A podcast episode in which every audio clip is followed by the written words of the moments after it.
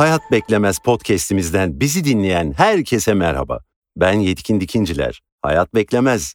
Eklemlerimiz durup beklemeyi hiç sevmez. Tıpkı hayat gibi. Bedenimiz tarafından engellere takılmadan hayatta özgürce hareket edebilmeniz ve eklem iltihaplanması hastalığı hakkında bilgi sahibi olmanız için bu program iyi bir fırsat olabilir. Hayat beklemez de sizlere artritten ankilozan spondilit hastalığına kadar hareket özgürlüğünüzü ilgilendiren bilgiler anlatıyoruz. Alanında uzman, değerli hekimlerimizi sizlerle buluşturarak her bölümde hayatın içinden örneklerle çok önemli bilgiler paylaşıyoruz.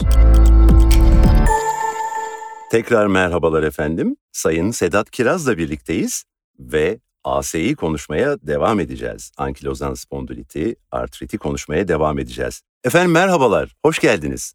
Merhabalar, merhabalar. Hoş bulduk. Nasılsınız? Umarım iyisinizdir. İyiyiz. Hastanede de koşturmayla geçiyor. Çok şükür pandemiden de çıkacağız diye umut ediyoruz. Bir miktar işte mesafeydi, maskeydi, aşıydı. Onlara uyan sayısı da artacak olursa bu tip toplantıları belki yüz yüze de yapabileceğiz. Canlı yayında da yapabileceğiz diye umut ediyorum. İyiyiz ama. Aynı dileklerle sohbetimize başlıyorum efendim. Biz sabahları kalkıyoruz. Tabii ki güne sabahları başlıyoruz ve bir tutukluk. Yani sabah tutukluğu nedir? Yani belde ortaya çıkan uzun süreli sabah tutukluğu hangi hastalığın belirtisi olabilir acaba?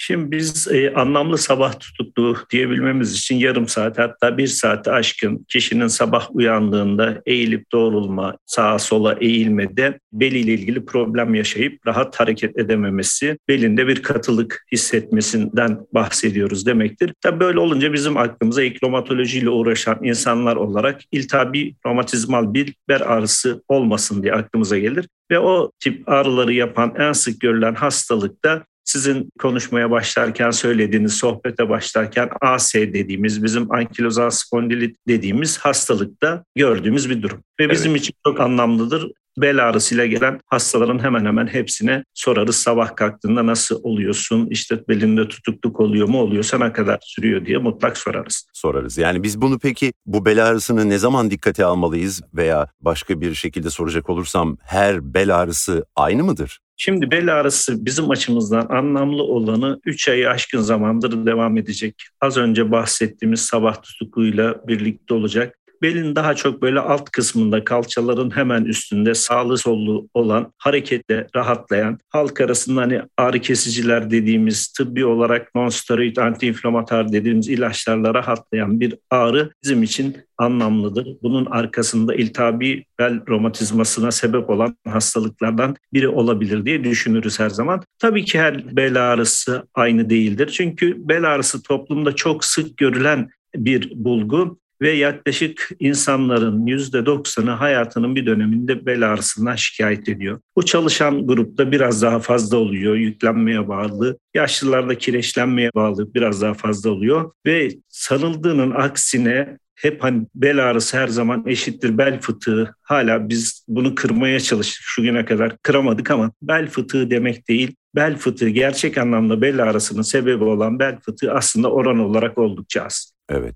Yani bel fıtığında ortaya çıkan ağrıyla inflamatuar bel ağrısı arasında bir fark var.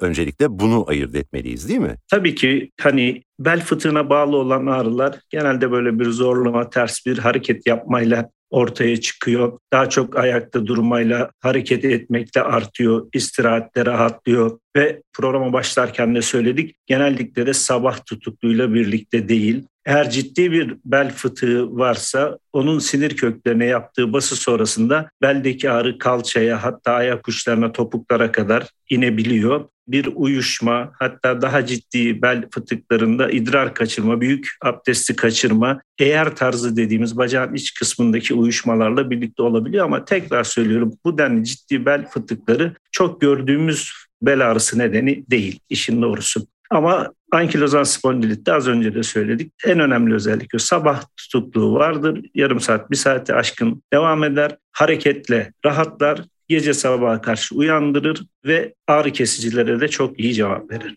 Evet. O zaman yeri gelmişken şöyle bir tam anlamıyla tanımlayalım isterim. AS yani ankilozan spondilit nedir ve hastada hangi belirtiler görülür?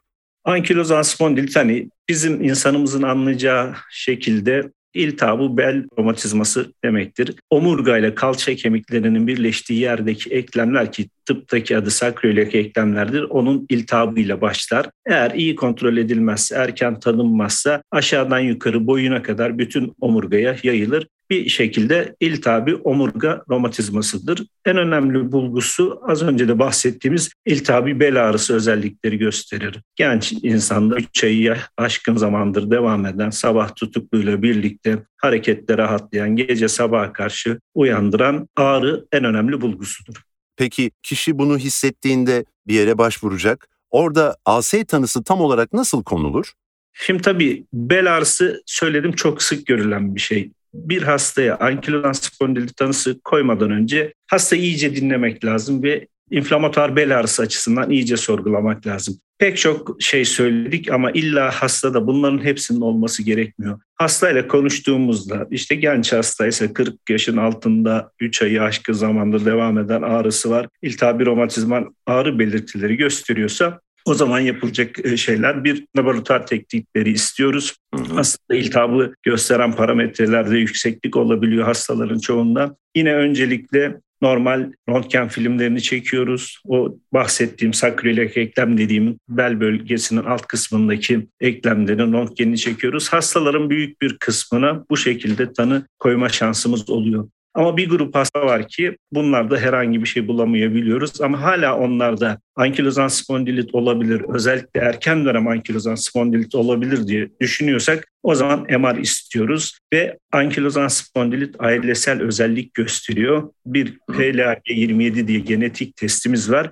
her hastada değil, uygun gördüğümüz hastada onu istiyoruz ve tanıyı bu şekilde doğrulamaya çalışıyoruz. Çok teşekkür ederim. Peki ankilozan spondilit erkek ve kadınlarda farklı seyreder mi Sedat Bey? Genel inanış erkeklerde biraz daha sık görülüyor zaten ve daha ağır seyrettiği şeklinde. Ama öyle kadın hastalarımız var ki onlarda da ağır gidebiliyor. O nedenle hastayı e, erkek olsun kadın olsun tanısını doğru koyup erken dönemde yakalayıp düzgün bir şekilde tedavi etmek durumundayız. Yoksa ileride olabilecek bazı komplikasyonların önüne geçmekte geç kalabiliyoruz. Evet. Ankilozan spondilit omurga ve leğen kemikleri arasında kalan eklemler dışında başka bölgeleri de etkiler mi? En çok sevdiği yer kalça eklemidir. Ama onun dışında bizim kavşak eklemleri dediğimiz, büyük eklemler dediğimiz omuz, diz, el bileği, ayak bileği gibi eklemleri etkiler. Ama eklem dışı tutulumları da var. Özellikle topuk bölgesinde kasların topuk kemiğine yapıştığı yerde ya da tabandaki kasların topuk altına yapıştığı yerde iltihaplanmaya sebep olur ki buna entezit diyoruz. Çok ciddi bir problemdir. Hasta sabah kalktığında ayağının üstüne basamaz, taban ağrısı, topallama, yürüme zorluğu gibi bulgular olur. O da yine harekette biraz açılır. Aynı şekilde göze vurabilir gözde üveit dediğimiz gözün ön bölümünde bir iltihaplanmayla birlikte hastada görmenin tamamen ortadan kalkması, gözüne perde inme gibi bir durum, kırmızı ağrılı bir gözle hasta karşımıza gelebilir. Onun dışında eğer hasta iyi tedavi edilemezse geç dönem hastalarında akciğerde ve kalpte de bazı problemler ortaya çıkarabilir. Ama az önce bahsettiğim bu tanıda kullandığımız yöntemlerin gelişmesi, işte ülkemizde romatolog sayısının artması, çoğu tıp fakültesinde öğrencilere bu dersi anlatacak romatoloji hocalarının olması neticesinde hastaları bugün için bizim bu işe başladığımız zamana göre daha erken tanıyoruz ve az önce bahsettiğim ciddi akciğer sorunuydu, kalp sorunuydu. O tür problemleri daha az görüyoruz. Sayın Sedat Kiraz, çok teşekkür ederiz. Programımız burada sona erdi. Yeni bir programda buluşmak dileğiyle hepinize güzel günler diliyoruz. Sağlıcakla.